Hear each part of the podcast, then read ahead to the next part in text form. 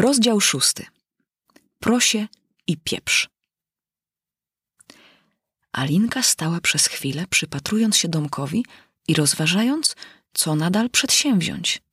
Gdy nagle z lasu wybiegł wygalonowany lokaj, który z twarzy wyglądał raczej na rybę i mocno do drzwi zastukał. Drugi lokaj, również wygalonowany, otworzył drzwi. Ten miał twarz okrągłą i oczy wypukłe jak żaba. Obaj zaś mieli włosy pudrowane i fryzowane. Zaciekawiona dziewczynka wysunęła się z gęstwiny. Lokaj ryba wyjął spod pachy wielki list, prawie tak duży jak on sam, i wręczył to drugiemu, mówiąc tonem uroczystym. Dla księżnej. Zaproszenie od królowej na zabawę w krokieta. Lokaj żaba powtórzył również solennie. Od królowej zaproszenie na krokieta dla księżnej. Po czym obaj ukłonili się sobie tak nisko, iż fryzury ich poszczepiały się wzajemnie. Alinkę ta scena tak bardzo ubawiła, iż schroniła się do lasu z obawy, aby nie dosłyszano jej głośnych wybuchów śmiechu.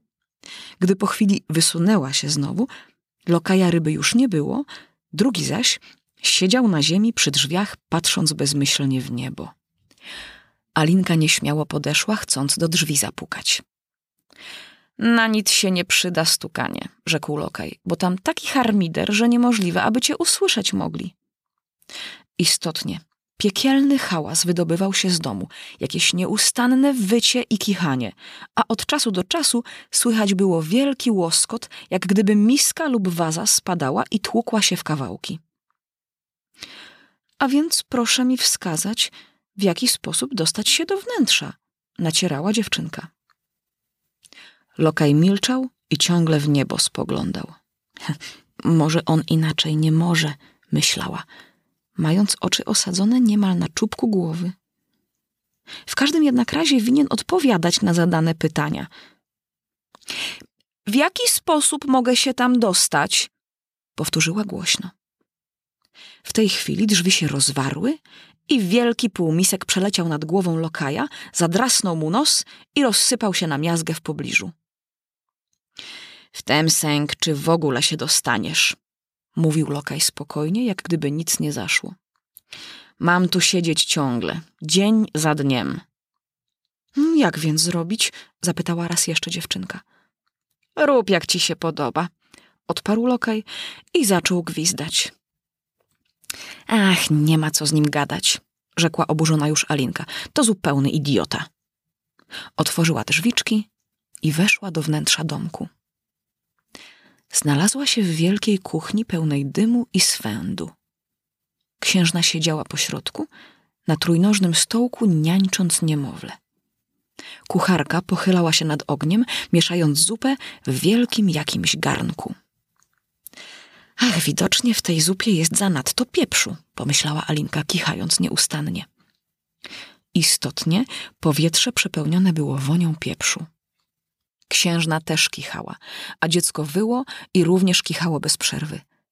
Jedynie tylko kucharka oraz wielki kot angorski, siedzący na kominie i szczerzący zęby od ucha do ucha, zachowywali się biernie. Yy, przepraszam uprzejmie, Zapytała Alinka nieśmiało, nie wiedząc, czy to wypada pierwszej zaczynać rozmowę. Dlaczego ten kot wykrzywia się tak niemiłosiernie? A to jest kot angorski, dlatego się tak wykrzywia, odparła księżna. Prosiaku! Ostatni wyraz wypowiedziała tak gwałtownie, że Alinka aż podskoczyła z przestrachu. Lecz po chwili spostrzegłszy, iż wykrzyknik ten odnosił się do niańczonego maleństwa, a nie do niej, Nabrała nieco odwagi. Nie wiedziałam, że koty angorskie, mówiła, tak szczerzą zęby. W ogóle nie sądziłam, że koty potrafią się dąsać. O, one to dobrze umieją, odparła księżna. Tymczasem kucharka zdjęła gar z zupą z komina, wylewając całą zawartość na księżnę i niemowlę, po czym nastąpiło rzucanie na wszystkie strony fajerek, sosierek i półmisków. Księżna bynajmniej nie zwracała uwagi na całe to zajście. Dziecko zaś ciągle darło się niemiłosiernie. O, proszę, upamiętaj się, co czynisz, Zwróciła się Alinka do kucharki. Jeszcze zadraśniesz jego nosek, wołała, gdy wielka waza, potrącając o niemowlę, rozsypała się na kawały. Księżna jednak i na to nie zwracała uwagi, tylko lulając dziecię, potrząsała niem gwałtownie, przy czym przyśpiewywała. Karć ostro twego malca i bij go, kiedy kicha, grymasy to zuchwalca, chce dręczyć mnie do licha. Na co chór złożony z kucharki i dzieciaka odpowiadał aj, aj, aj. Zawodząc drugą zwrotkę śpiewki, księżna wstrząsała dzieckiem tak gwałtownie, że biedactwo aż zawyło. Alinka zaś zaledwie odróżnić mogła wyrazy. Tak karce mego malca, gdy kicha, to go wale. Grymasy to zuchwalca, pieprz znosi doskonale. A chór dodawał. Aj, aj, aj.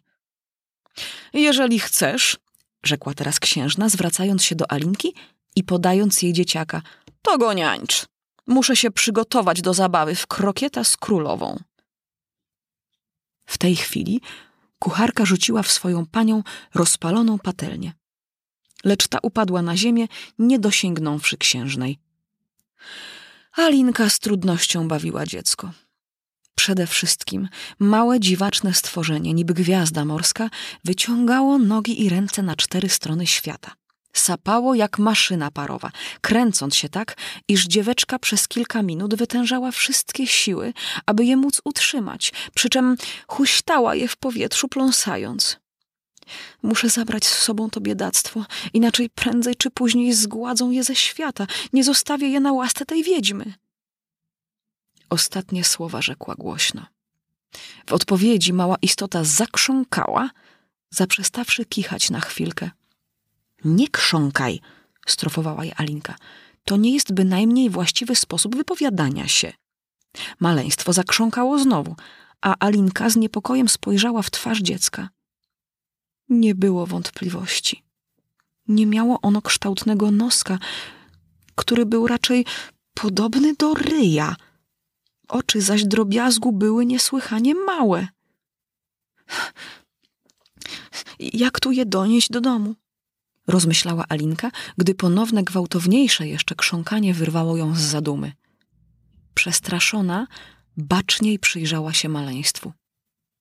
Tym razem mylić się nie mogła.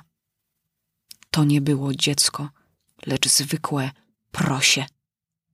Bez wahania opuściła je na ziemię. Jakie to zabawne, rzekła głośno. Dziecko to by z tego wyrosło bardzo brzydkie, a prosiaczek to wcale niczego. Nagle na jednej z gałęzi wysokiego drzewa spostrzegła owego kota Angorę, którego widziała w kuchni. Ujrzawszy dziewczynkę, kot począł szczerzyć zęby. A jakkolwiek miał on wygląd łagodny, zęby jego wskazywały, że trzeba się z nim obchodzić oględnie. Kiziu Angorska, zaczęła nieśmiało, nie wiedząc, czy to kotkowi do gustu przypadnie. Proszę, przybliż się do mnie i objaśnij mnie, jaką drogę mam wybrać, aby się stąd wydostać. Hmm. Dużo zależy od tego, dokąd właściwie zmierzasz, odparł kot. Ja sama nie wiem dokąd, przyznała się Alinka. Bylebym. W takim razie to obojętne, w którą stronę podążysz. Bylebym, kończyła dziewczynka, gdzieśkolwiek dotarła. O, dojść to dojdziesz na pewno, jeżeli nóg szczędzić nie będziesz. Uznając słuszność odpowiedzi kota, Alinka zadała inne pytanie. Jacy mieszkańcy zaludniają te okolice? W tym kierunku, rzekł kot, unosząc prawą łapę, mieszka kapelusznik. A w tamtym, tu podniósł lewą, zając marcowy. Możesz odwiedzić jednego lub drugiego.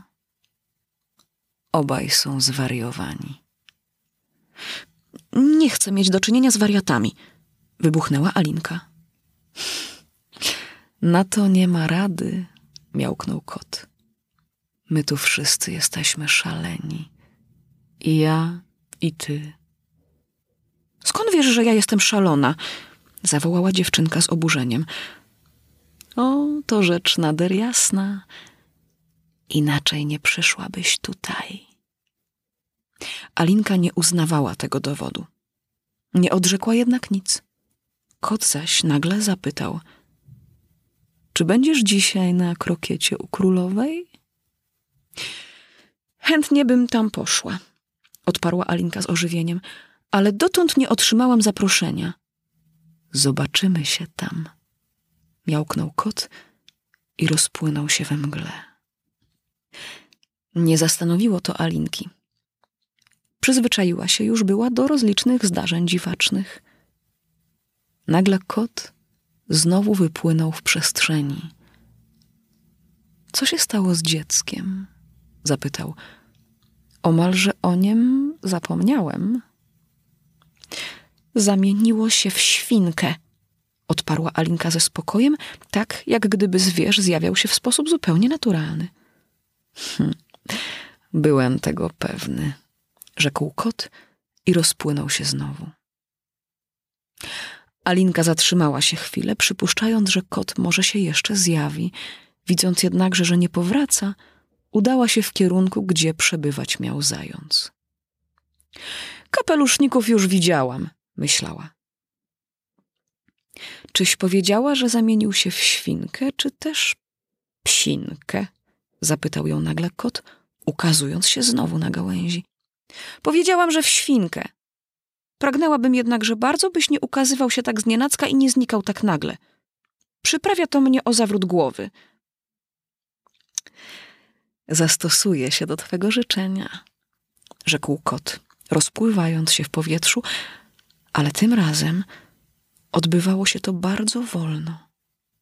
Zaczęło się od zanikania ogona, a kończyło na ohydnym, rozgrymaszonym pyszczku.